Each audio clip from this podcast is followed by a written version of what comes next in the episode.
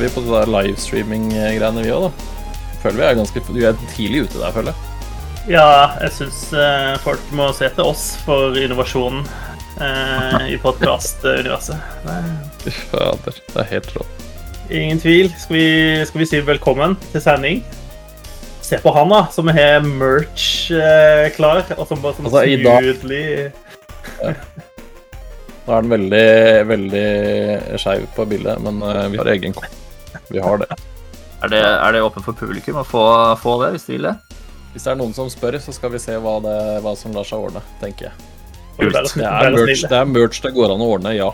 Det er det. Med den offisielle logoen. Vi har ikke noe tagline. Det må vi kanskje komme opp med etter hvert. Ja, det er sant. Vi får jobbe litt med det. Vi begynte vel med noen sånn fire uvitende menn eller noe sånt, var det ikke det vi begynte med? Men så har det på en måte endra seg veldig underveis. Ja. Det er litt sånn eh, tre, tre uvitende menn og en dame, på en måte. Det blir litt rart, det også. For så vidt sant. Ja. Eh, I hvert fall, eh, hei alle sammen. Velkommen til eh, denne liveinnspillingen av Double Jump-podkasten. Eh, jeg er Marius Kjørmo. Eh, en av de på siden her er Gøran Solbakken. Hallo, hallo? Og her nede tror jeg vi har Håvard Ruud. Eh, hos meg så er du der oppe. Det gjør han her. Ja. Oi. Men jeg, jeg tror at det er jeg som har har de riktige innstillingene. Ja. Mistenker jeg. tenker det som er synlig for folk. Kanskje. Ellers er det helt motsatt. Hvem vet? Eh, I dag skal vi prate om spill, hadde vi tenkt. Men, men først eh, eh, Vi er live på video, eh, og den eneste grunnen for det er selvsagt å vise frem at eh, jeg har kjøpt meg ny stol i dag. Oi, Eh, oi. Oh. Den satt jeg her og svetta og skrudde sammen rett før sending. Det er storebroren til stolen jeg har, faktisk. Eller Yes. storesøster eventuelt. Ja. Jeg bytte ut. Jeg hadde en uh, lite gamingstol som uh, uh, plutselig knakk sammen her. Eh, ikke tålt eh, hjemmekontortilværelsen eh, med sånn 10-12 timer daglig med min rumpe i seg. Eh, da ble det denne. Rakk ikke du en eh, stol helt i starten av eh, det er en lang føljetong. Ja. Ja. Det var, en, eh, det var en deep cut i Double Jump Law, det der. der. Eh, Men det, det er riktig. Det var en, det var en lenestol, da. Eh, Det var en sånn god gammel Ekornes stressless-stol, tror jeg det var. Eh, Som var sånn som type min bestefar hadde hatt, eller sånt. Så den, den, den hadde tålt mer enn et år med hjemmekontor, liksom. Den, eh, den holdt noen generasjoner før den knakk sammen, da. Men, eh, men jeg klarte å eh, sende den til kirkegården også, ja Det var Men den vel stolen? eh, kan anbefales. Det var som å sitte i en sky i forhold til den forrige stolen jeg hadde. Så dette var helt nydelig. Kan bli Jeg mis mistenker at den stolen jeg sitter i, egentlig ikke er så behagelig. Men jeg tenker som så at jeg får bare være akkurat nå. Ja. Ja. Mm. Stor kan anbefales. Fint skal det være. Jeg fikk til og med med sånne eh, hvite hansker eh, som skulle brukes til montering eh, av stolen. Eh, De, de, de brukte jeg ikke. Kan avføres. Sparer det til noe annet. Jeg vet ikke hva, hva slags bruksområde jeg skal ha til de. De er liksom altfor pinglete til å bruke ute i hagen og sånn, så får jo knapt nedover neven. Det er gaminghansker. Det er det. Det er sånn det når, du virkelig skal, når du virkelig skal dra på i Overwatch, så tar du på deg hanskene. Jeg tror ikke disse er noe gode til det, ass. Men det er litt sånn, hvis du skal kle deg ut som Mickey Mouse, så tror jeg kanskje disse kan funke. Det tror jeg liksom er der vi er, da. Eh, Der, ja. Det er veldig gledelig. Eh, nok om det. Eh, spill. Har vi spilt noe Spill. siste uka? Susanne skulle vært her i dag, men eh, hun er sjuk. Vi håper jo at hun blir frisk eh, snart. Eh, bli. med, med hele håper jeg, puste, pustesystemet i behold. Det hadde vært fint. Trenger lungekapasiteten sin til å skrike på oss. Trenger ganske mye lungekapasitet til det, egentlig. Altså, det er sant, det. Det er det. Det, det er tøft, tøft liv her i double jump. Eh, Men skal vi starte hos deg, Gøran? For jeg mistenker at du har spilt noe som er litt nytt. Ja, jeg har spilt noe som er litt nytt, men jeg har ikke, jeg har ikke spilt så veldig mye av det enda. Men jeg kan gi et sånt uh, Gjøran-time-inntrykk. Det kan jeg gjøre. Det er du flink på. Det er, lenge, det er det lenge siden jeg har gjort. Spesielt Ja. Det, da. Eh, nei, jeg har spilt uh, Biomutant. Har jeg spilt litt uh, den siste uka. Uh, ja, jeg lyver kanskje litt. Jeg tror jeg kanskje har spilt et par timer av det, men ikke så veldig mye mer enn det. Men eh, for de som ikke vet, da, Biomutant er et eh, åpen verden actionspill. Der du spiller som en liten krabat. Jeg vet ikke helt hva denne lille krabaten er. Om man er eh, Om man er noe Et dovendyr eller et eller annet, i hvert fall. Eh, men hele greia begynner med Du lager deg på en måte din egen figur med, med utseende, men der er det også du, du begynner veldig brått på med mye valg, da. For det er sånn Skal du være den og den rasen med dyr? Eh, skal du være den og den klassen, og så velger du forskjellige sånne Skal du ha masse poeng i styrke? Skal du ha masse poeng i intelligens? Altså alle disse vanlige RPG-elementene. Og så ser du liksom at utseendet på denne kravaten endrer seg litt, så hvis du da pumper alt i styrke, så blir den superbuff, for eksempel, da. Um, og så velger du deg en klasse. Jeg tror det er fem forskjellige klasser, og så er det et sjette som var en sånn eh, preorder-bonus som kommer som en DLC, tror jeg. Jeg mener det var sånn det var. Og det er eh, litt sånn derre De har forskjellige typer bonuser. Sånn ene har en active reload, den andre har litt mer sånn magifokus. Litt forskjellige spillestiler. Og så eh, setter du egentlig bare i, i gang, og det er eh, Det er egentlig et spill som er veldig sånn som det så ut. Altså det er et, eh, det er et åpen, stor, åpen verden. eh, Det er masse, masse combat, og så er det masse utforsking og sideoppdrag og hovedoppdrag. Eh, Du går opp i levels, du samler utstyr og blir hele tiden sikre og sterkere og bedre og bedre og utvikler liksom den, denne dovendyret ditt underveis, da. Så veldig sånn klassisk rollespill sånn sett. Jeg syns hele settingen og og verdensdesignet og monstrene og sånn syns jeg er skikkelig morsom. Den er ordentlig kul. Det er litt sånn eh, Biomutant er på en måte et spill som ikke er redd for å være et spill. Eh, det det kom, popper opp store sånne pow-kombo-greier mens du gjør kule ting. Eh, det er litt humor underveis og, og masse farger og over toppen angrep og alt mulig, men det er det gjør samtidig at det blir litt gøy, da, syns jeg. Ehm, så, og, og verdenen ser liksom ser kjempebra ut. Jeg syns det er et veldig pent spill, uh, Biomutant. Nå har jeg spilt det på PC eh, av en eller annen grunn. Eh, skulle ha kjøpt det på PlayStation, men sånn ble det nå en gang. Men det, det funker fint på PC-en min også. Um, combaten syns jeg er Det er en litt sånn kombinasjon av range, altså skytevåpentyp, og melee. Jeg tror, du, jeg tror du kan Etter hvert så kan du nok spesialisere deg liksom mer og mer mot at du skal bare kjøre melee-angrep, eller du skal bare kjøre automatrifler, eller hva det enn måtte være. Men sånn i starten så er det hele tiden en sånn god kombo av de to. Um, og sånn totalt sett nå, enn så lenge, da, så syns jeg kampsystemet funker bra. Det er Du har noen dodger, du har litt sånn bullet time inni der, eh, du har en parry, og du har liksom masse forskjellig sånn. Ehm, det, det, det funker egentlig greit. Det er ikke Selv om det er mange forskjellige ting da, som du liksom kaster på deg veldig fort i starten. Det er liksom, Nå skal du parry, og du skal greie t-parries, og så skal du hoppe og gjøre en kombo sånn at du gjør en eh, baklengs salto og dodge mens du skyter. Altså, det er masse sånne ting de liksom hiver på deg, men det går veldig fort å komme liksom inn i den kamp, kampflyten i spillet, syns jeg, da. Der du liksom veksler mellom å bruke nærangrep, og du bruker våpenet ditt og sånne ting. Og så har du en sånn eh, Hva er det det heter, da?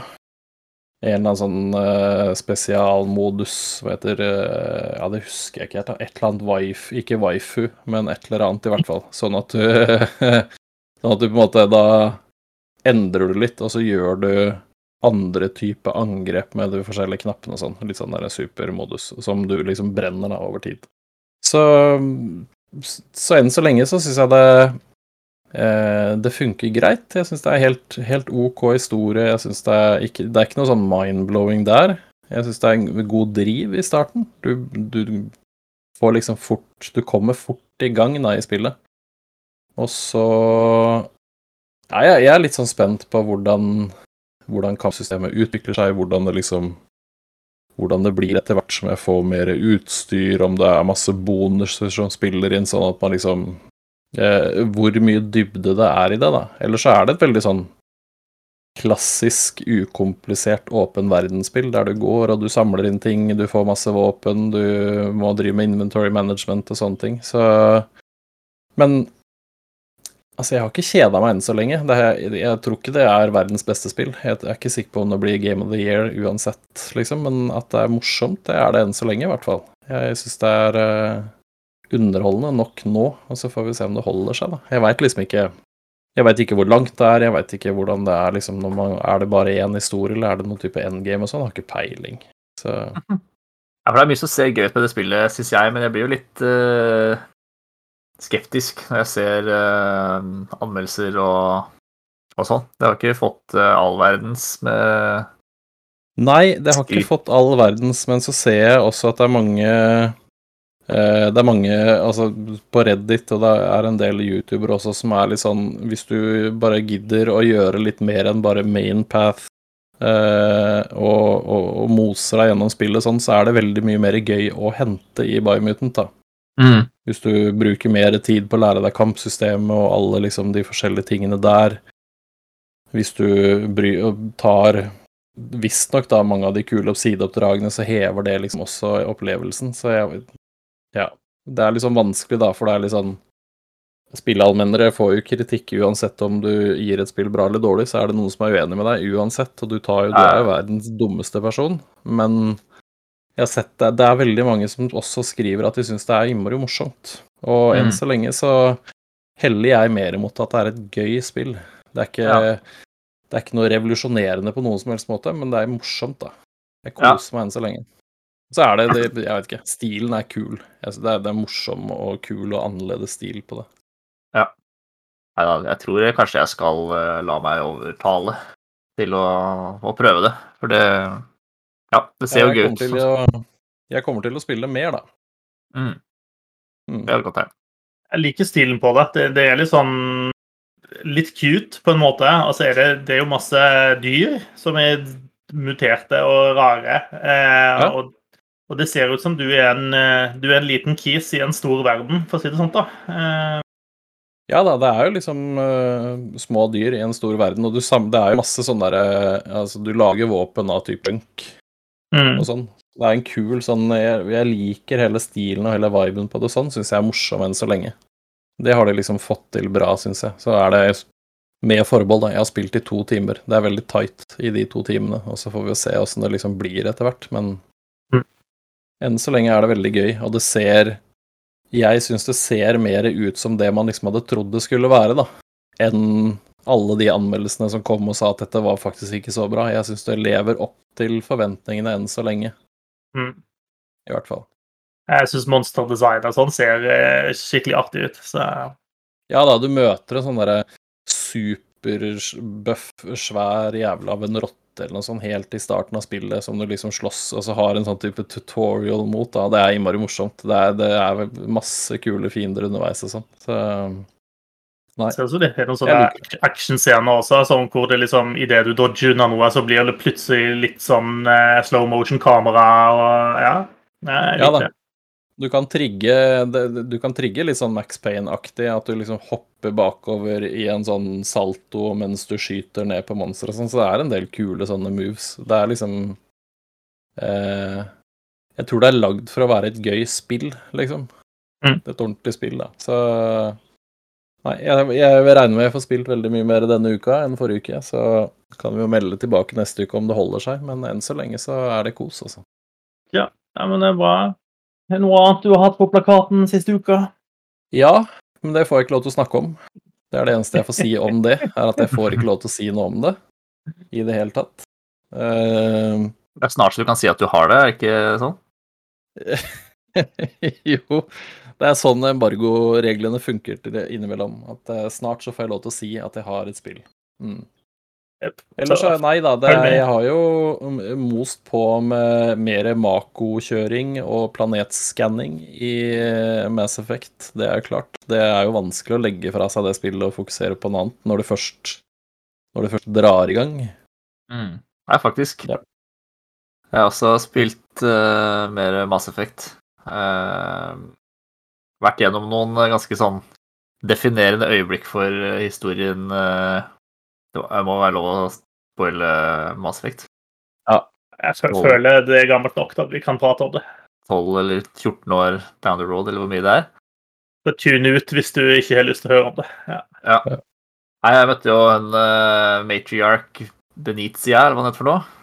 Venezia. Mm. Venezia, det var jo ganske Det ble intenst. Mm. Og ikke minst den uh, dronning-alien. Ja. Jeg Ja. eh, valgte å, å slippe henne fri. ja, og der, her gjør du jo noen valg som eh, du vil møte på eh, seinere. Ja, det vil jeg tro. Det skjønte jeg. Såpass skjønte jeg. ja. Samtidig så er det litt sånn eh, Ja, det, det, det, det eh, Hvis du har spilt gjennom spillet og gjort liksom både det ene og det andre, eh, så sitter du kanskje igjen med en litt sånn følelse av at kanskje det ikke gjorde så stor forskjell hva jeg valgte likevel, da.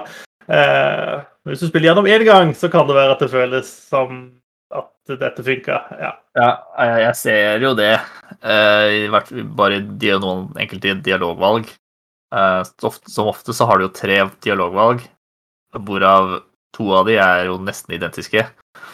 Eh, og er jo sånn eh, Man settes jo veldig langt, ofte veldig langt tilbake når man dør i dette spillet, hvis man ikke er eh, veldig flink til å, å mellomlagre. Eh, så noen ganger må du gjennom samme dialogen flere ganger. Hvis du da sitter og trykker, så velger du kanskje et annet dialogvalg enn det du valgte da du tok deg tid første gangen. da. Og så sier Shepherd det samme uansett, så er det sånn Å ja, OK, greit. Den er skikkelig, faktisk skikkelig irriterende i Mass Effect 1, for der er, er knappen for å skippe dialog og knappen for å velge en dialog den samme. Sånn at hvis Yep. du sitter og skipper, så plutselig har du valgt noe du ikke hadde tenkt å velge. Det er Yep. kjempeannoying. Ja, ja Jeg har landa, landa et par sånne Paragon-poeng jeg, på grunn av det. Og du prøver å være ordentlig renegade. Ja, vet du hva, jeg har aldri, aldri gjort det før i, i Mass Effect. Så nå tenkte jeg, vet du hva, nå skal jeg, nå skal jeg eh, kile litt på the dark side og kjenne hvordan det føles. Det er, det er vanskelig. Det er, jeg sliter, jeg, altså, med å være slem. Og jeg syns eh, det, det føles ikke alltid helt riktig, den renegade-pathen, på en måte. Det, det, Nei, ikke i forhold til det du gjør og den du er, så Nei, det gjør ikke det, altså. Nei, og det er liksom Altså, noen ganger så er det sånn Ja, OK, du, eh, karakteren din er liksom eh, en tøffing som eh, kan bryte reglene og sånt for å liksom få jobben gjort, og den biten er liksom grei, men ofte så er de Renegade-valgene bare å være et skikkelig rasshøl. Det er ikke nødvendigvis det samme, da. Nei, det er ikke det, altså. Nei, så den er litt seig. Jeg veit ikke om jeg greier å holde det ut gjennom tre spill, for å si det sånn. Men jeg skal greie meg gjennom det første, i hvert fall. Ja da. Det, det kommer noen valg du kan gjøre seinere, som, som kommer til å rive hardere i hjerterota enn i Ja, de første spillene. Så ja. Det gjør det.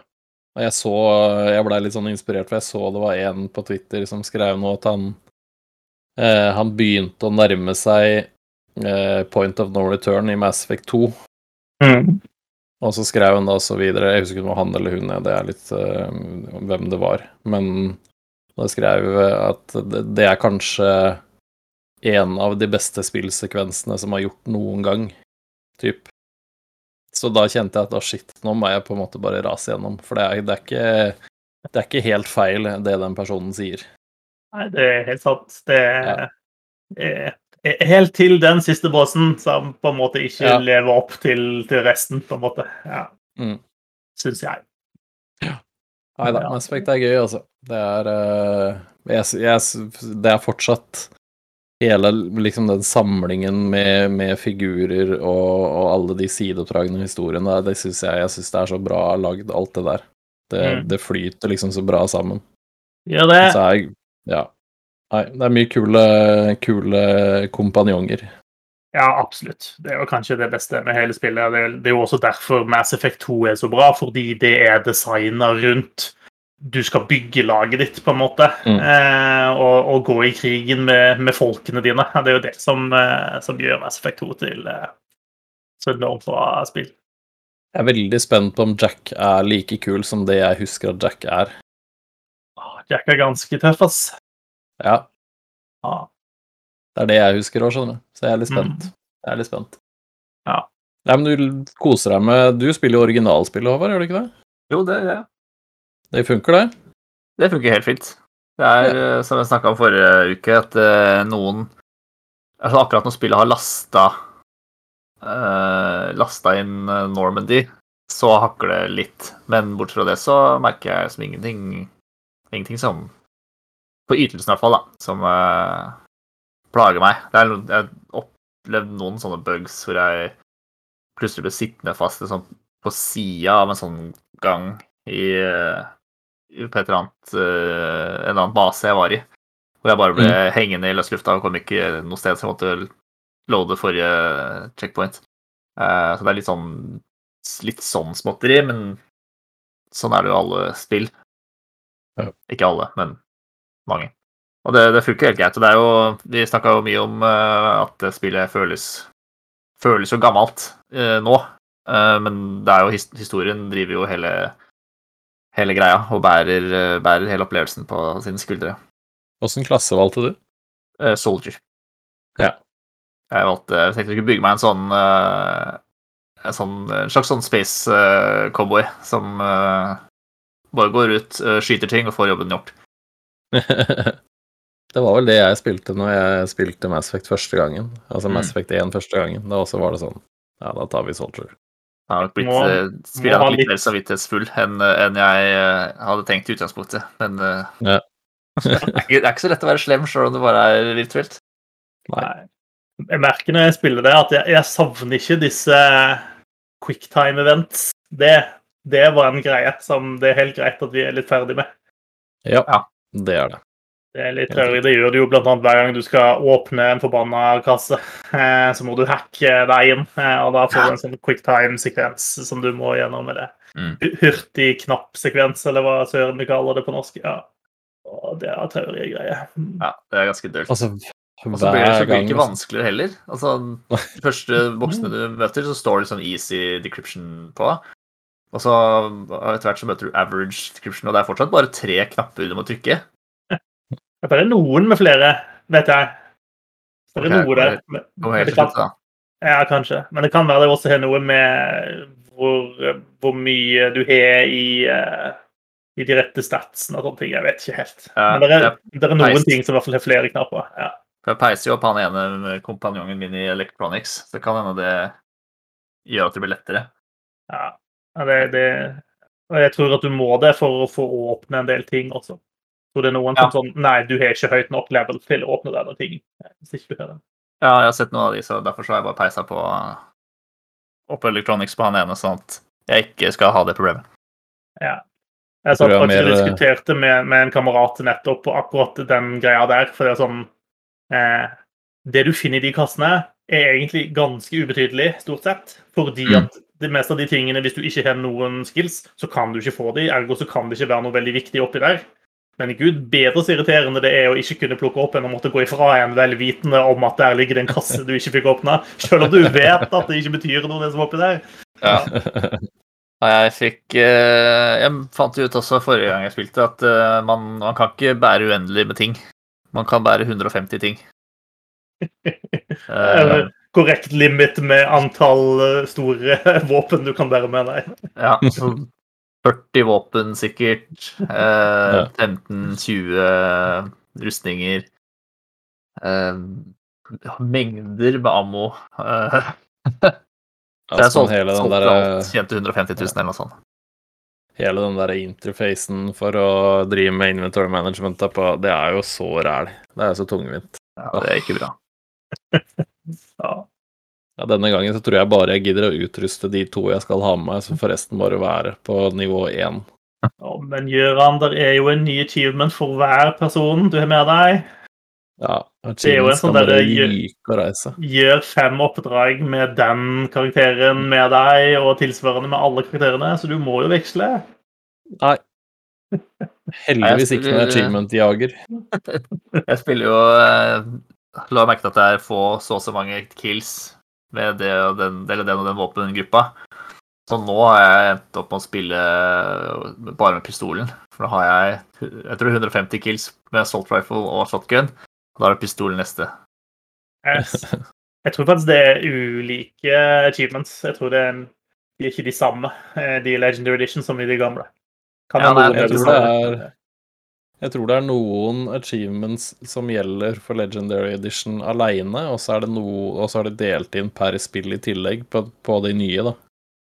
Ja, det Så er det et sett med, et set med achievements bare hvis du har Legendary, og så er det liksom en del av de samme gamle på hvert spill i tillegg. Mm. Så du låser opp automatisk. Eller sånn du kan låse opp dobbelt og få dobbelt så mye Oh, dobbelt så mye. Det, det er dobbelt, fordi det er ingen, det er ingen eh, kommunikasjon mellom de gamle spillene og de nye Legendary Edition.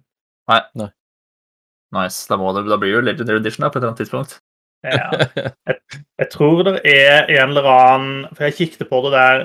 eh, Jeg tror det er en eller annen måte på PC-versjonen at du kan liksom laste inn save games fra de gamle spillene inn i Legendary Edition, men at det anbefales sterkt å ikke gjøre, fordi det kan fucke opp alt, basically. Eh, Men at det er mulig å gjøre det, men, at, men ikke på konsoll, så så vidt jeg skjønte. For det var litt sånn hvis du eh, Når du har spilt igjennom og runda spillet én gang, så låser du liksom opp litt sånn bonuser som du får når du starter spillet på nytt igjen. Sånn at du slipper å grinde så mye, basically. Eh, Du starter med litt mer penger på konto og, og litt sånne ting. Eh, Og det Nice. får du jo ikke når du går inn når du starter Legendary Edition på, fra scratch, da. Ja. Ja, det er Men, klart. men Mass Effect er gøy. Absolutt. Helt riktig. Yes. Ehm, jeg har brukt en del tid denne helga på å spille et spill som kom ut for flere år siden. Ehm, Ja, hvorfor ikke? det var noe så sjelden som et uh, Games with Gold, uh, som jeg plutselig så ligge der, og så kikket jeg på det og tenkte jeg, jøss, kan det være noe for meg? Eh, så jeg installerte det, og det heter Armello. Ehm, og det er eh, rett og slett et digitalt brettspill. Det er designa som et brettspill. Du spiller på, på Xbox.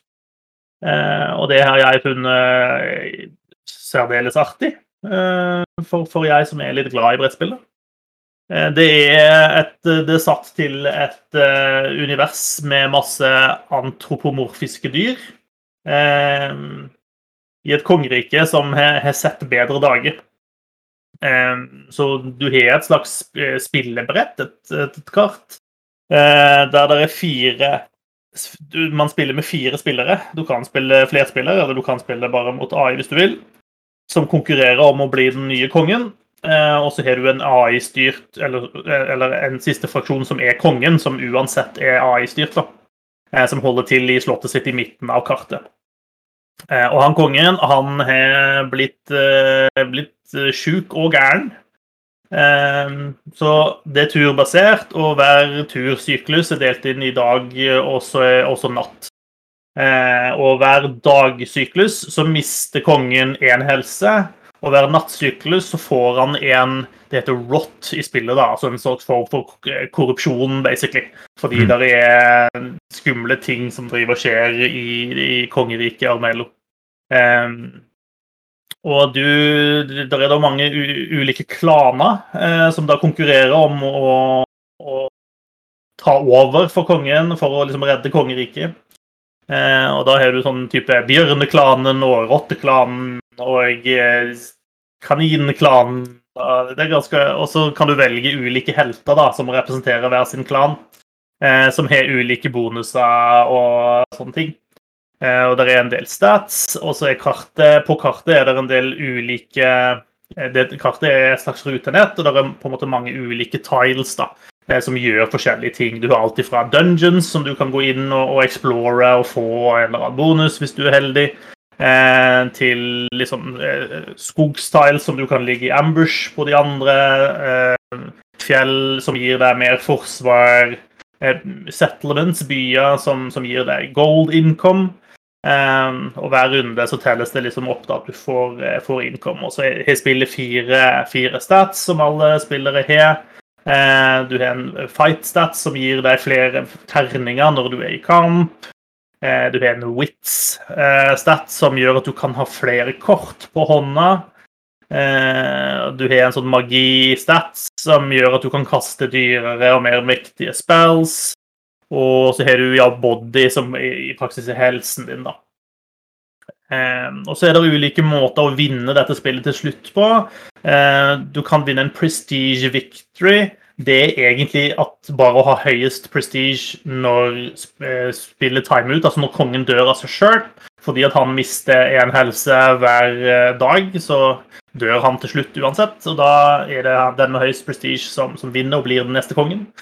Eh, du kan vinne en Kingslayer victory. Da har du klart å bryte deg inn i slottet og gjøre ende på kongen sjøl.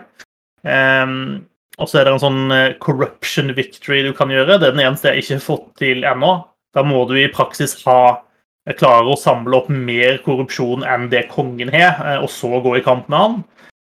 Og det siste er, tror jeg heter spirit victory. Da må du klare å samle sammen fire sånne spirit-steiner Eh, og så gå inn til kongen, og på en måte, da slipper du å slåss mot han. Da, da gjør liksom disse steinene jobben for deg, da. Eh, og, og, gjør ende på den korrumperte kongen, og du, du vinner spillet. Det er ganske artig. Det er, det er et brettspill. Det, det, er et par utvidelser til det som gir flere helter. Eh, og du låser på en måte opp nye, nye, kort som du kan trekke i løpet av spillet. Og ja, ganske artig. Eh, oppdager du at det er et lite community for det liksom eh, der ute også. Så hvis du har eh, tilgang på Games with Gold, så kan det være verdt å sjekke det ut eh, mens det ennå er mai. Det, jeg vet ikke akkurat når de stenger den eh, og går videre til neste, men det er sikkert ganske snart. Så. Men spillet er tilgjengelig uansett på Xbox, og det er også tilgjengelig på Steam og kan godt være flere andre steder også. Så. Det er, på, det er på mobil også. Jeg hadde det med en sånn mobilartikkel for noen år yeah. siden, faktisk. Mm. Jeg syns det, det, ringte en bjelle skjønner du når, du, når, du, begynte å prate om det, så jeg måtte sjekke. Mm. Uh, ja, jeg tror det er gitt ut for flere år siden, så, så det er ikke nytt på noen som helst måte. Men jeg hadde aldri hørt om det før, så Ja, det er morsomt. Det er veldig morsomt. Mm. Så det er det og Slay the Spire, egentlig, som jeg har vært innom i helga. Eh, Oi, du har fortsatt på det kjøret, du? Ja, når jeg ikke har gravd i hagen, så, så er det verdt, verdt det. Ja. Jeg, jeg, har jo ikke låst opp alt ennå i Slay the Spire heller. Det, du må jo ha så forbanna mange runs med hver av de heltene for å liksom låse opp neste runde med kort. Det tar jo sin tid. Det er jo fortsatt et fryktelig bra spill, da. Og så kom det jo en ny helt. Det kom jo en ny helt for en stund tilbake der også. Eh, mm. Munch. Ja. Så nå er det jo fire helter du må, du må låse opp alt med. Mm. Tenk deg Marius uh, som ikke liker Rogelikes, uh, liker Slade Spire og Hades så godt som han gjør. Det hadde jeg aldri trodd. Ja, nei, men jeg er litt enig. Eh, men Slade Spire tror jeg Eh, kan skrives mer på at jeg liker deckbuilding games, egentlig. Mm. Eh, det går på den eh, kvoten. For jeg liker flere spill som er lignende Status Wire, som ikke nødvendigvis er roguelikes. Ja. Men Hades, den, den That's a unicorn, holdt jeg på å si. Det er et spill i den sjangeren som jeg likte på tross av sjangeren, og ikke på grunn av fordi at det er et så utrolig bra spill. Det hender de kommer òg. Ja. Ja, Hva er det du graver i hagen, forresten? Fra en som graver i hagen, til den annen som graver i hagen? Oh, ja, jeg håper Det er sikkert litt forskjell på min hage og din hage. Du har vel sikkert sånn der tolv mål eller et eller annet sånt om hage. Eh, det får vi ikke her i relativt sentrale Bergen. Eh, nei, eh, jeg har tømt et lite Hva skal vi kalle det? En liten dam? En liten noe sånt? Som mm den, den, forrige, den, forrige, eieren av dette huset var gartner eh, og eide en egen Hageland-sjoppe. Eh, ikke vært så godt vedlikeholdt, så der er litt å, å rydde opp i, da. Ja, så det, eh, det også på akkurat den delen, i hvert fall. Min hage er bare en, en blomsterkasse som henger utafor stuevinduet mitt. Ja, passer du godt på den? Eh, nei. Jeg planta faktisk, så den var veldig fin sånn første halvdel av sommeren i fjor. Ja. Men så Ja, jeg vet ikke helt. Jeg var ikke ute og vanna den. Jeg tenkte liksom regnet skulle få gjøre sitt. Og sånne uteplanter skal egentlig tåle nesten alt, hvis jeg skjønner. Men uh, tydeligvis ikke. Jeg får gjøre et nytt uh, forsøk nå. Ja. I år. Ja, men det er bra. Jeg har jo eh, gått til anskaffelse av uh, en kaktus uh, til å ha på kontoret mitt, fordi det må man jo ha. Så, Ja. Det, det, Grønt er sunt. Ja, var med kona på plantasjen, eh, handla for 3500. Uh, jeg, jeg fikk den kaktusen, da. Eh, Det høres, eh, det høres ikke ukjent ut, nei. Det gjør ikke det. mm. Ja, nei. Jeg er jo en mann eh, godt planta i middelåra, så jeg, eh, jeg var kjempefornøyd i helgen når jeg var ute og kjøpte meg en ny gressklipper, og fikk klippet gresset med en ny klipper. Da koste jeg meg. Hvor, men, men det er en sånn du, du styrer den sjæl, klipper? Hæ? Ja, eh, nei, jeg sitter med fjernkontroll, jeg. Ja, du, ja, nettopp. Nei da, nei da. Nei da. Det var, eh, det var en eh, helt eh, Nei, eh, vi var, vi var inne på tanken på å kjøpe for han som bodde her før. da, Han hadde en sånn traktorklipper-type. Eh, men vi syntes kanskje det var litt overkill. Og så flytta vi hit, og så var vi litt sånn shit, den skulle vi ha kjøpt allikevel. Men uh, når jeg fikk meg ny, ny ordentlig klipper nå, da, ikke noe spesielt, det var en sånn standard sånn bensinklipper, men uh, det holdt i massevis. Det hadde blitt veldig Veldig Jeg hadde følt meg litt teit hvis jeg skulle sitte på en uh, traktorklipper her, fordi det det er, det er mye naturtomt også, ikke bare gress her. Så det hadde blitt litt vel offroad for en, for en sånn traktor. Det var tøft, da. Ja, Du må Så- vel ha deg en sånn tilsvarende snøfreser om vinteren også, da, så du kan sitte på og kjøre rundt på? Snøfreser har jeg. Ja, nettopp. Det, det lærte jeg fort i fjor, at snøfreser det er bare noe man må ha her oppe i Hadeland. Ja. Mm. Nei, Noe av det beste med hagen her er at det er ikke gress der, i hvert fall. Det setter jeg veldig pris på. Ja. Jeg har eh, da det at jeg tar igjen de kvadratmeterne her hos meg. Det er ganske mange hundre kvadratmeter med gress, tror jeg, Ja, det er fint. totalt sett. Mm. Hvis jeg trenger å komme og legge meg på gresset en dag, så, så, så finner jeg deg. da er det bare å ringe. Det er trampoliner, og det er husker, og det er trehytter, og det er alt mulig her, så det er bare. Ja, ja. Sånne bålpanne også? Ja, ja, ja, selvfølgelig. Ja da, ja. Nei, Jeg driver og-. Jeg driver og leker med tanken på å bygge meg en gapahuk. Liksom litt sånn opp i hjørnet opp mot skogen eh, på tomta. Men da har jeg også lyst til å lage en litt som en sånn hobbit-hule. Sånn liksom gå litt i ett med, med bakken og, og sånn. Eh, og da, da blir det selvfølgelig et veldig mye mer prosjekt enn når man bare skal bygge et gapahuk, for det er ganske rett fram. Ja. Så jo da, det, det er noen prosjekter. Men, Bare eh, meg så ikke plutselig det begynner å komme liksom turister eh, for å liksom ta bilder og sånt i hagen din. Nei, ikke enda. Ikke Nei. enda. var her de spilte inn Hobbiten, folkens. Eh, Nei, men det hadde vært kult. Jeg tror det hadde vært veldig gøy om jeg hadde fått det til. Eh, Ja. Men jeg er ingen snekker, så da, jeg må tenke, det må jeg tenke litt mer på først. Tenking er viktig. Og vanskelig. Eventuelt, ja, eventuelt kjøpe inn litt utstyr. Det er bare en unnskyldning til å kjøpe Power Tools, vel? Ja, altså jeg, jeg har aldri vært den typen som er sånn 'Å, kult, nå skal jeg kjøpe nytt verktøy'. Men uh, jeg kjenner jo det nå når jeg har flytta hit jeg gjør, at det er liksom, nå, nå begynner jeg å nærme meg det punktet at det er 'Å, kult, nå kan jeg kjøpe et nytt verktøy'. Så det har, det har gått uh, Det har gått litt uh, det, har, det har blitt oppgradert litt i verktøyfronten siste, siste året. Boys and their toys. Ja. jeg kjøpte PlayStation 5 før jeg kjøpte på Gjerslag, så det jeg på en måte holder meg innenfor det gamermerkevaren min enda, føler jeg. Ja, ja, men det er bra. Du trenger ikke å trenger ikke å perle med deg ut riktig ennå, altså. Nei, det var enda godt. Skal vi eh, gå fra hagenytt til litt spillnytt, eh, kanskje? Oh, ja. Eh, For det har jo vært litt ting som har skjedd eh, i verden. Eh, Sony hadde en eh, State of Play eh, her om dagen, der de bl.a. viste frem eh, en del av Horizon Forbidden West. Fikk dere med dere dette? Jeg har faktisk ikke kommet så langt jeg har sett på. Det er synd og skam. Ja, det, Ja. det ser jo ut til å ha fått seg et bra ansiktsløft siden forrige, forrige Horizon. Og de viste noen ganske kule scener der Aloy driver og slåss med, med en annen fyr.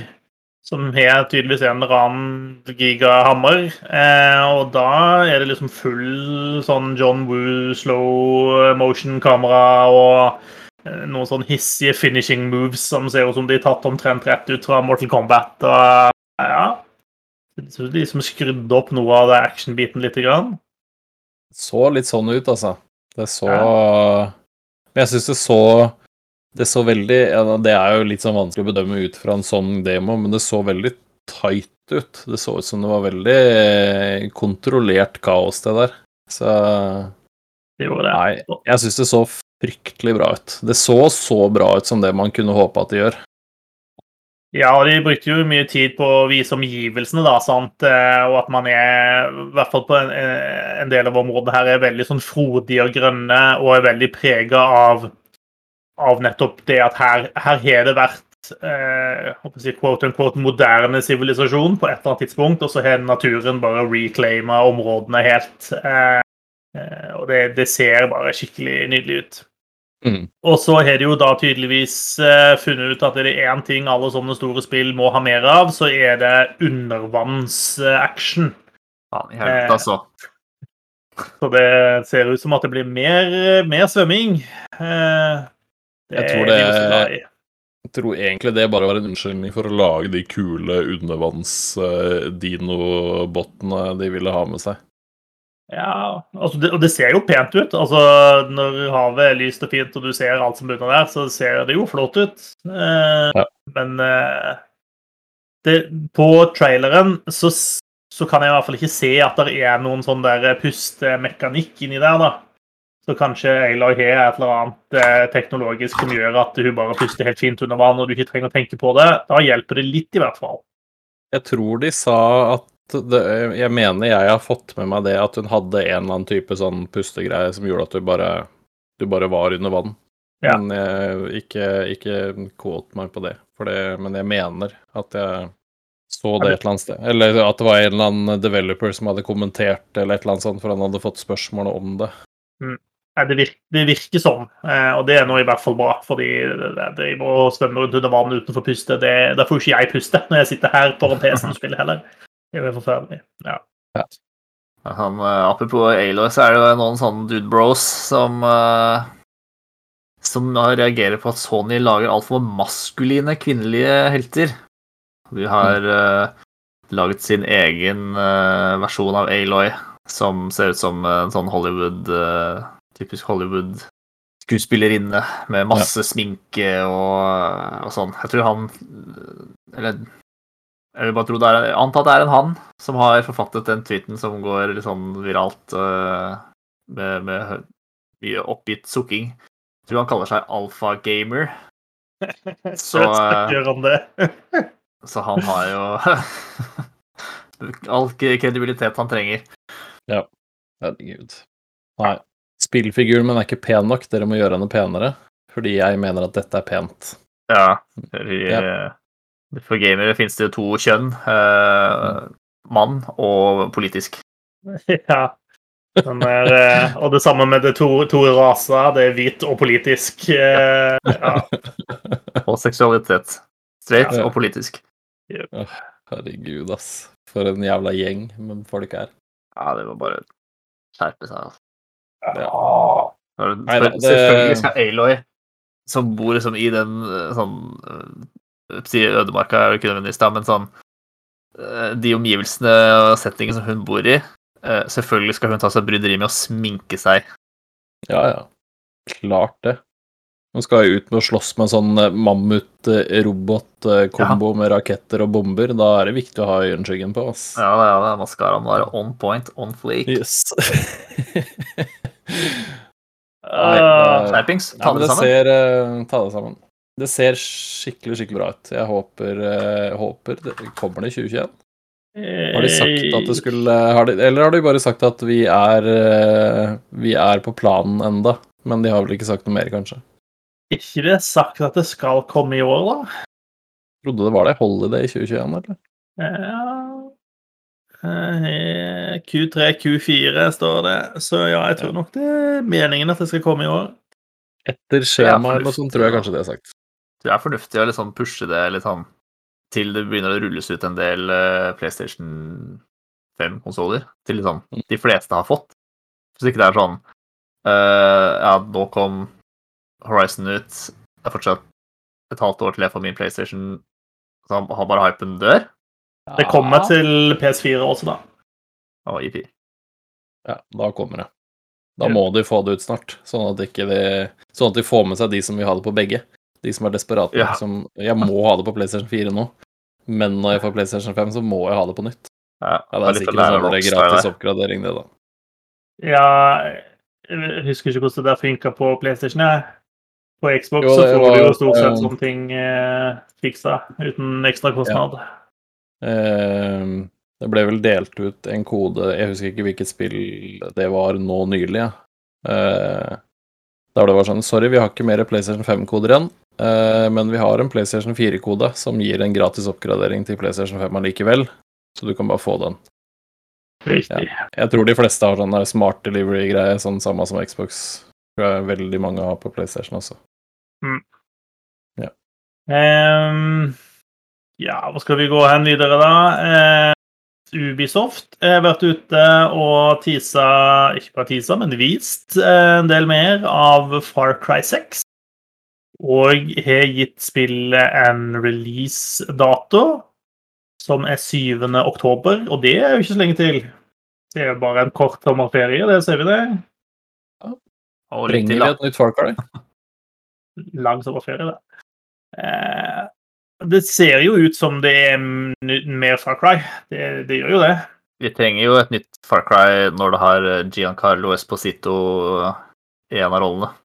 Altså den der originale, ikke originale, men sånn, sånn første traileren til det spillet, eh, den, eh, den er, er litt sånn trollbindende, da. Den fanger skikkelig når han kidden med håndgranaten og, hele den greia der. Eh, Det der er Ja. Gode på, ass. De er gode på det, og så er de veldig gode på å gå ut og presisere at nei, det er ikke noe politisk her. ja. Nei, Eh, No politics in our games, sir. Nei. nei jeg veit ikke, jeg. Nå, nå har jeg stått over et par Far Cry-spill, mer eller mindre. Altså, jeg har vært innom, innom de bare, men ikke bare det. Så nå kan det hende kroppen min er klar for mer Far Cry, jeg veit ikke. Det virker som at en av tingene de har gått all in på i Far Cry 6, er, er um, våpnene, egentlig.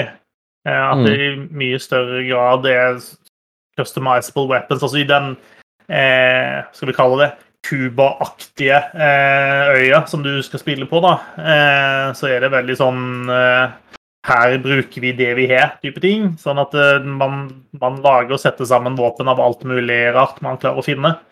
Eh, og man bruker alt ifra liksom, biler og motorsykler til hesterygg, liksom, for å komme seg rundt. Eh, og hva man er tilgjengelig. Men akkurat det våpen, våpenet har de liksom vist litt frem, da, og vist ganske mye rare ting. Det er nesten litt sånn der eh, jeg håper å si Ratchet and Clanky-våpen omtrent, hvor du, du kan skyte sånne sagblad, og det er liksom full pakke, da. Mm. Den store slageren er vel eh, Macarena-pistolen som skøyt eh, gamle Macarena-CD-er mens den spilte sangen, omtrent. Mm. Ja, De, har, kan de har på en måte tatt den dit.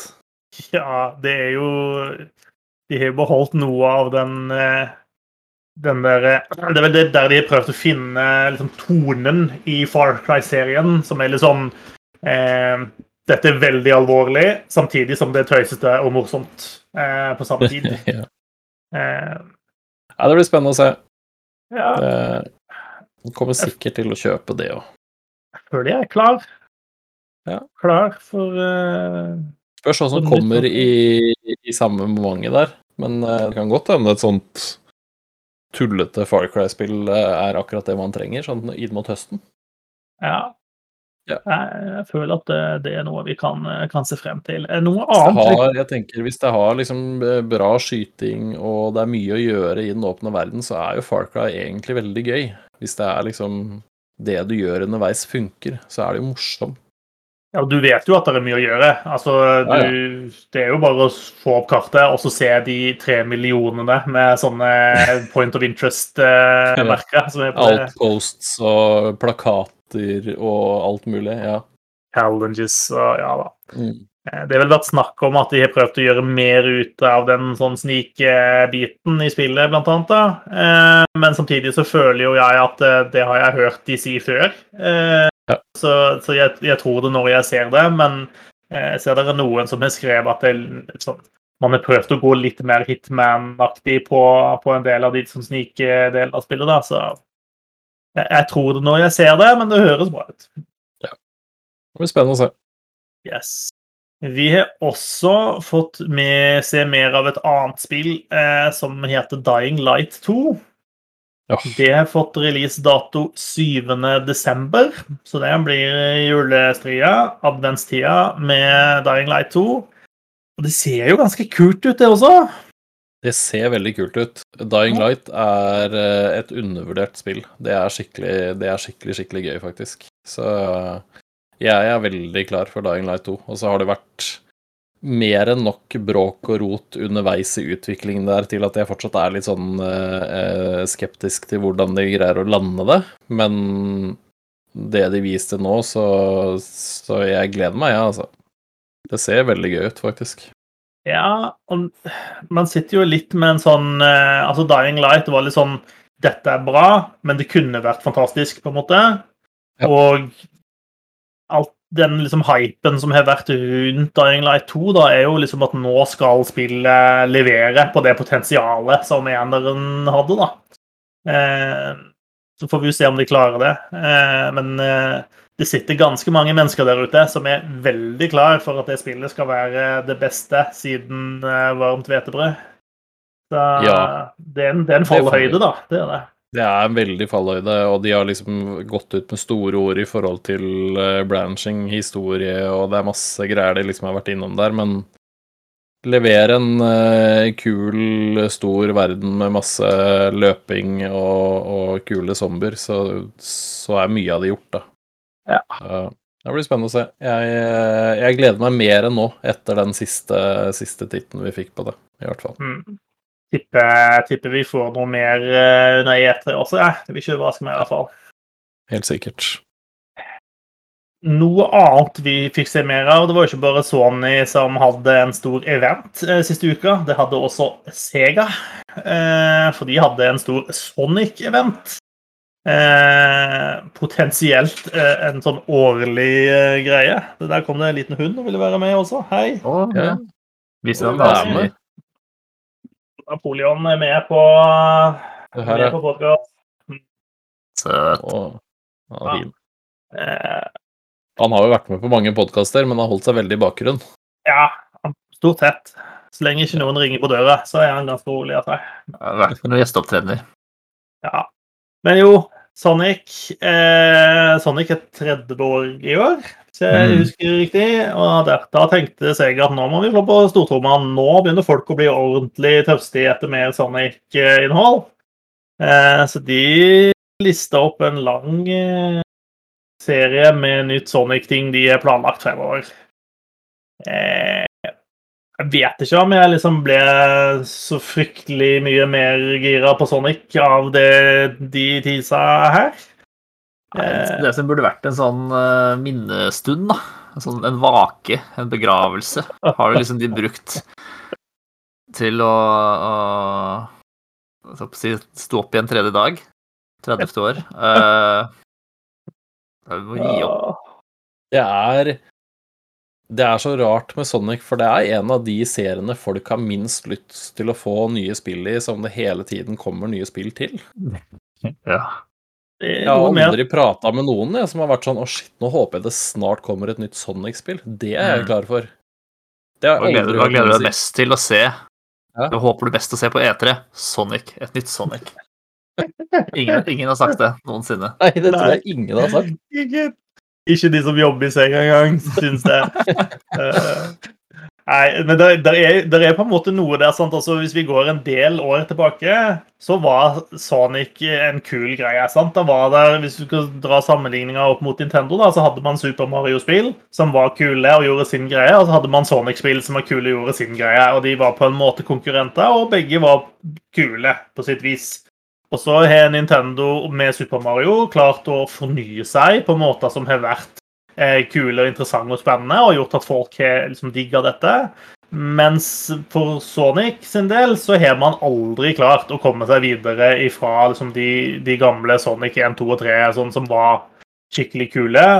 Og de står fortsatt igjen som de eneste spillene som er verdt å spille av alle Sonic-spillene som er gitt ut. Eh, Sonic Adventure 2 hadde jeg mye gøy med på Det har vært ungdomsskolen, for det var på GameCube.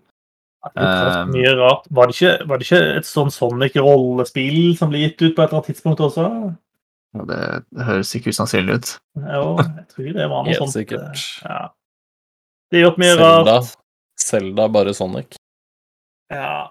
Eh, men de annonserte i hvert fall eh, Sonic Colors Ultimate, eh, som er et spill som originalt kom ut til Wii og DS eh, i 2010, som nå skal komme til eh, rubbel og bit av plattforma eh, i en oppussa utgave.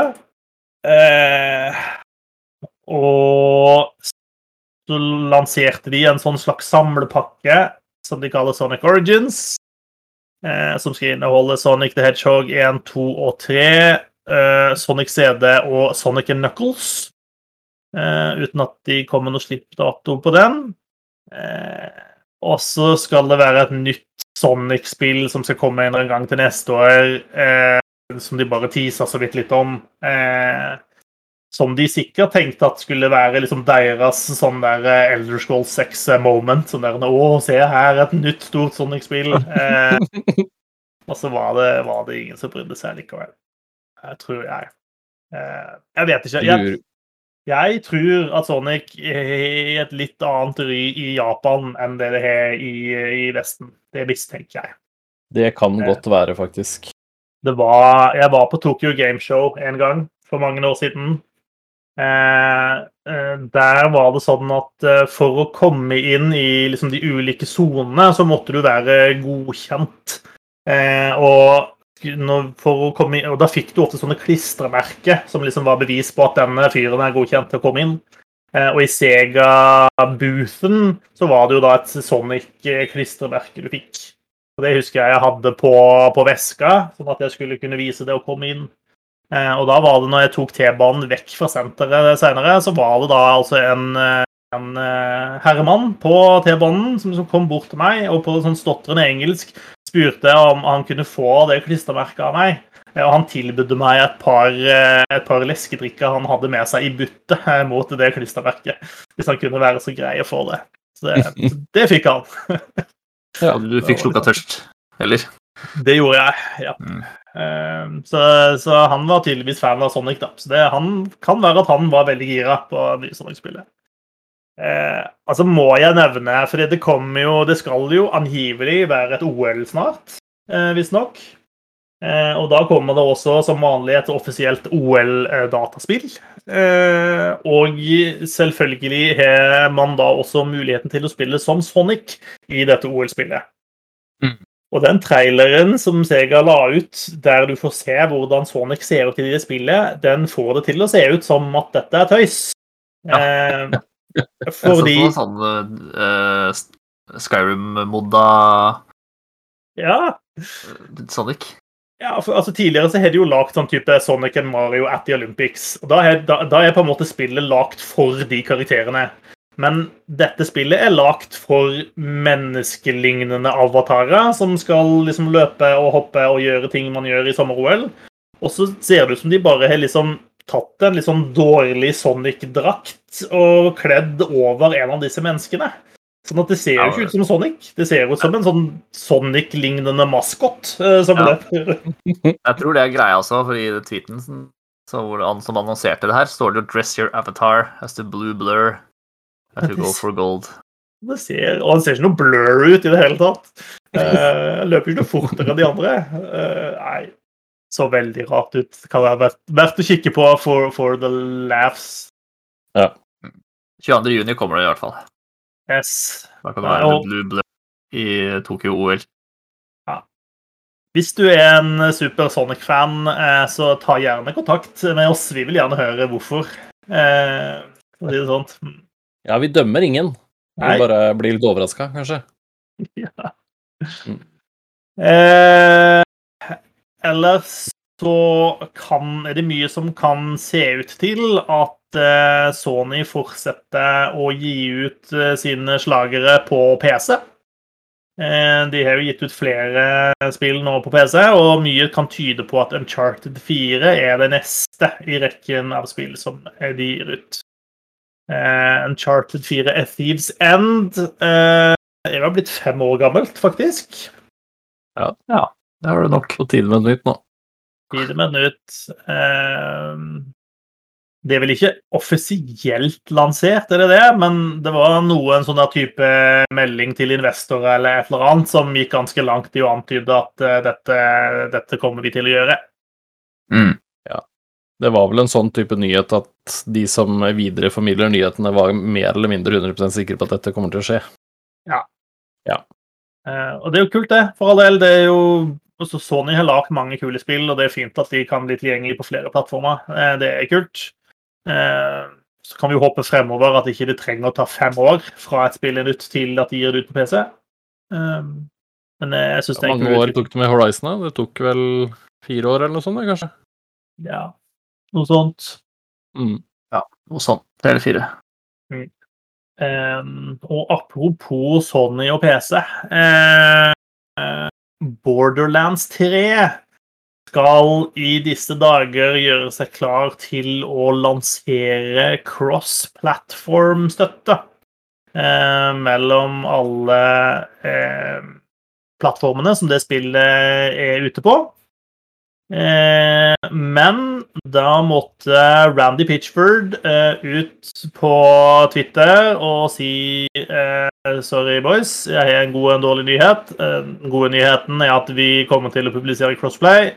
Eh, den dårlige nyheten er at vi får ikke lov av Sony til å ha det på PlayStation. Eh, det var kanskje litt for enkla sagt. da. Eh, dette er nok noe mer komplisert enn det. Eh, det han sier, er at de har fått beskjed fra sin publisher, altså 2K Games, eh, at dette får de ikke til, at det vil Jeg vet ikke om det vil bryte med et eller annet, men at da vil ikke den patchen kunne bli sertifisert, i hvert fall av Sony, bla, bla, bla. bla. Eh, Så de får dette til på alle andre plattformer. Så du vil kunne spille crossplay med alle dine Borderlands 3-venner som spiller på Xbox, eh, Windows, eh, Stadia eller Mac, eh, men altså ikke på PlayStation. Det er litt sånn Jeg hadde håpet vi skulle klart å komme forbi dette stadiet nå. Ja, det er er kjipe, da. eh, Sony er kjipe der, altså. Det er ikke noe tvil om at det er de som er den, eh, den parten som er kjip her. Det får man jo bekrefta gang på gang. Ja, det Jeg skjønner, ikke, jeg skjønner ikke helt hva de vinner på det, da. Hva er det, hva er det Sony liksom vinner på å si nei til crossplay på Borderlands 3? Altså, det var jo noen, altså Vi var litt innom det i en tidligere sending. Dette var en del dokumenter som har kommet ut i den der eh, rettssaken mellom Epic og Apple. Eh, og at eh, Epic i den sammenhengen hadde avslørt også en del ting om hvordan ting fungerte på PlayStation og i forholdet med Sony, da, og sammenligna det med, med Apple. Eh, hvorpå eh, Sony tar seg betalt for sånne typer tjenester, da, fordi at Mm. De er redd for at dette betyr at man mister markedsandel til noen andre. eh, Og da må på en måte det kompenseres av utgiveren. Og Derfor så spekuleres det da i at Sony har gitt beskjed til 2K Games at hvis dere vil ha crossplay med andre plattformer her, så må dere betale for den potensielle eh, markedsandeltapet Sony vil ha på bakgrunn av en sånn ordning, da. Eh, Dette vet vi ikke, dette er spekulasjoner. Men eh, eh, Randy Pitchford måtte ha også vært ute og fjerna den tweeten han hadde i ettertid, så det kan være at det ikke var så populært at han var ute og, og sa at eh, Han er vel en relativt sånn snakk fra levra-fyr, er han ikke det? Jeg tror det. Jeg har inntrykk av at han Jeg tror han liker å være i søkelyset også. Litt uh, Han trives mm. greit med oppmerksomhet, tror jeg. Ja. Nei, det er synd. Jeg håper, håper en eller annen eksekutiv i Sony på et eller annet tidspunkt innser at det kanskje, kanskje er bedre å være med på lasset. Ja. Vi får håpe det. Um, BlizzCon 2021 blir det ikke noe av. Nei. Dessverre. Det ble ikke det, gitt. Ikke så overraska over det. Nei. Nei. Mer overraska over at de ikke kjører noe digitalt når det skulle vært BlizzCon. Jeg syns ja, det var litt rart at de pusha det, egentlig. Ja, Man skulle jo kanskje tro at de var forberedt på at det ikke ble noe BlizzCon, da. Eh, mm. Men det er klart, dette kan jo selv Altså, det de har sagt, da, er at BlizzCon 2021 er kansellert. Vi skal isteden ha en global event en eller annen gang tidlig i 2022. Eh, ja. Og det er selvfølgelig, man kan jo, man, Vi kan jo tillate oss å spekulere litt. Da, og det kan jo godt være at de har mer spennende ting å vise frem i begynnelsen av 2022 enn det de har nå. Ja. ja. Det blir spennende å se om det blir noe, det blir noe annerledes enn BlizzCon-line var i, i år. da. Ja, ja. altså Blizzard begynner jo liksom å nærme seg det punktet der de nå må de snart gjøre noe. Altså nå er det, nå er det fryktelig lenge siden de har gitt ut forrige spill. Oppdateringer til Overwatch er vel mer eller mindre dødd helt ut, har de det? Jo, det er altså, ikke eksisterende. Diablo 3 Diablo 3 holdes jo liv i bare av en håndfull mennesker som lager sånne dårlige seasons innimellom. Og så det er veldig lite nytt som skjer der det er ikke planlagt noe expansion der. Så de er jo de flyter jo bare på World of Warcraft og World of Warcraft Classic akkurat nå.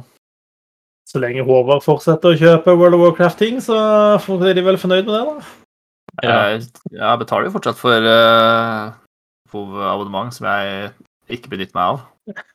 Ja, Men nå kommer jo, kommer jo, Burning Crusade uh, denne uka her, faktisk. Så da kan hende jeg stikker innom igjen, men uh, det spiller ingen rolle for uh, Blizzard, det. De får jo penga mine uansett. ja. Ja. Nei, kanskje det, det blir 2022, og så er det sånn eh, etter no, uh, Diablo 4 og Overwatch er klare til å spilles nå. Takk skal du ha. Ja, du, du tror det? Nei, det, det tror jeg ikke. Det også, jeg tror også det kommer mye sånn Vi vet at det kommer Diablo til mobil. Mm. Eh, det spekuleres eh, vilt i om det ikke kommer eh, Overwatch til mobil. Så jeg tror nok de skal finne det måter å tjene penger på, sjøl om de ikke slipper ny Starcraft, eller Warcraft for en saks skyld, ja. annethvert år.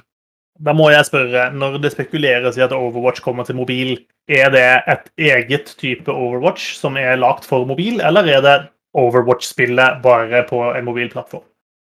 jeg håper jo virkelig eh, at det er noe eget mobiltilpassa. Ja. For uh, spille en sånn FPS uh, Competitive FPS på mobil funker bare sånn. ja, altså det er et Call of Duty-mobil som tjener x antall hundre millioner dollar i året, som på en måte tror kanskje vi diskuterer det med deg, om det funker eller ikke. Ja, vel... at, at, de tjener penger, kan jeg godt uh, tro på, men uh, er det en god FPS-opplevelse? Nei, altså det er en god FPS-opplevelse på mobilen, men det er noe helt annet, selvfølgelig, enn det er å spille på PC. The bars solo. Det kan godt hende. Nei, det blir spennende. Uh, ja. Jeg syns uh, Diablo Immortal er ganske gøy. Mm. Det er det. Jeg skal prøve det, altså. Faktisk. Ja. Apropos uh, Call of Duty, de tror jeg var ute og banna en sånn 350 000 kontoer nå uh, sist uke for uh, rasistiske navn. Ja. Primært. Hvorfor ikke? Ja, Racist names or toxic behavior. Ja, så var de to. Det må være litt sånn kjipt for andre spill at det liksom kommer Call of Duty og så bare Hei, vi banner 350 000 spillere, vi. Og så er det andre som er liksom Å, vi er kjempesuksessfulle, og så er det sånn typ 100 000 spillfolk som spiller og sånn. Og så bare går COD ut og bare banner folk fra spillespillet spille spillet pga. et ja. navn. Det er litt sånn power move òg, da. Ja, samtidig så Jeg spiller ikke Call of Duty, så jeg vet virkelig ikke hvordan ting funker der. Men det kan vel kanskje tenkes at ganske mange av disse har mer enn én konto, eller er villige til å kjøpe og lage seg en ny konto, eh, selv om den kontoen ble banna. Altså, Warzone er vel gratis? Mm. Ja, ja. sant. Så det er mange der, tror jeg. Nei, BlizzCon eh, Blizzard må gjøre noe snart. Det må skje noe ordentlig greier der, altså. De kan ikke, de kan ikke bomme enda engang. Eller jo, en kan jo. Ny Heartstone-oppdatering, vet du. Ny Heartstone og neste World of Warcraft-utvidelse og blir samme igjen. Det, det, kan de ikke gjøre, ikke sant? Nei, Nei de kan ikke det. De må, det, det er, jeg tror de må komme med noen datoer nå. Kanskje ikke på Overwatch, men på Diablo tror jeg Jeg tror Diablo kommer først. Ja, jeg tror nesten ja. Gi oss Overwatch 2 nå! Go, ja, go, go! Mm. Ja. Slow Overwatch. ja, de kan de, det er sikkert ikke så lenge til de kunne ha pusha ut en sånn tidlig beta til det, hvis de ville. Men, eh, men vi vil jo at spillet skal være ferdig og bra før de gir det ut, selvsagt. Bare det ikke er altfor lenge til. Ja, ja, Vi vil ha det nå, men vi vil det skal være ferdig. Vi vil ikke ha Cyberpunk all over again. Eh, ja. Cyberpunk, altså. Det er et av de beste dårlige spillene jeg har spilt. Ja. Vil, uh, Ubisoft vil heller ikke ha Cyberpunk all over again, så de skal jo vise fram uh, hvordan Far Cry funker på forrige konsollgenerasjon. Mm. Bare sånn at folk ikke skal få et falskt bilde, sånn som man uh, veldig mange fikk av Cyberpunk, som, hvor de liksom bare viser fram den, den, den, versjonen som kjørte på best hardware. Det er jo for så vidt greit at folk lærer av andre sine feil, da. ja, det er bra. Det er bra. Men, det er jo det er best det, enn å lære sine egne. Ja, jeg mener jo, altså jeg, jeg, tenker at det er ikke nødvendigvis en standard som alle må gjøre. Det som er viktig, er jo der det er en stor forskjell på disse to mm. opplevelsene. Så er det et poeng å vise dette. sant? I ja, ja. Cyberpunk var det en stor forskjell på hvordan spillet så ut på ny og gammel eh, plattform. Helt åpenbart. Så så en sånn nyhet som det, da vil jo jeg automatisk tenke at å, det, det kommer til å se ræva ut på gammel plattform, da, når de går hardt ut og sier at dette skal vi vise eh, hvordan det ser ut, da. Men eh, vi får se. Skal vi Det handler om å justere forventninger, vet du. Ja. Jo da, men det, det er viktig, det også. Cyberpunk, eh, ja, det var, det var et skikkelig bra trainwreck. Det var, ja, ja, mm. det er det det var. Apropos Trainer Wreck, eh, jeg tror denne sendinga nærmer seg slutten. Um, må få lov å si at det var gysla artig å se dere. Ligg med det. Ja, så ofte vi, ikke så ofte vi ses. Nei, ikke det. Kanskje det blir oftere fremover? Ja, Tanken er vel at vi skal prøve å gjøre det på denne måten eh, fra nå av, så ja, la oss håpe det. Ja, satser på det. Så da kan du eh, da kan du uh, lytte til oss på ditt, i, i, din vante podkast-lytte-app, eller hvor enn du hører podkaster. Uh, du kan se oss live på Twitch. Og du kommer helt sikkert til å finne oss i opptak på YouTube. Hvis du har lyst til å se våre smykke ansikter på et annet tidspunkt enn akkurat når vi spiller inn. Yes. Da er vi tilgjengelige, vet du. Nå er vi snart på alle plattformer. Yes. Bare kjører om og klemmer til med en sånn TikTok-dans nå, så tenker jeg vi Nå ruller vi snart. like a damn sociopath. Ja.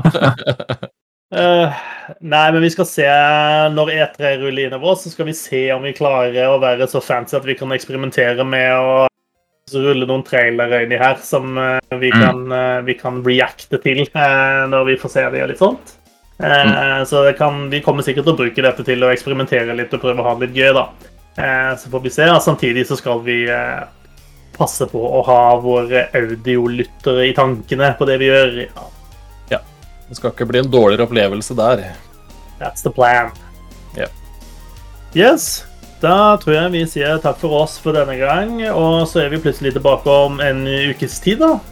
Så ja, vi tror det. Hei så lenge, da. Snakkes, da. Ha det.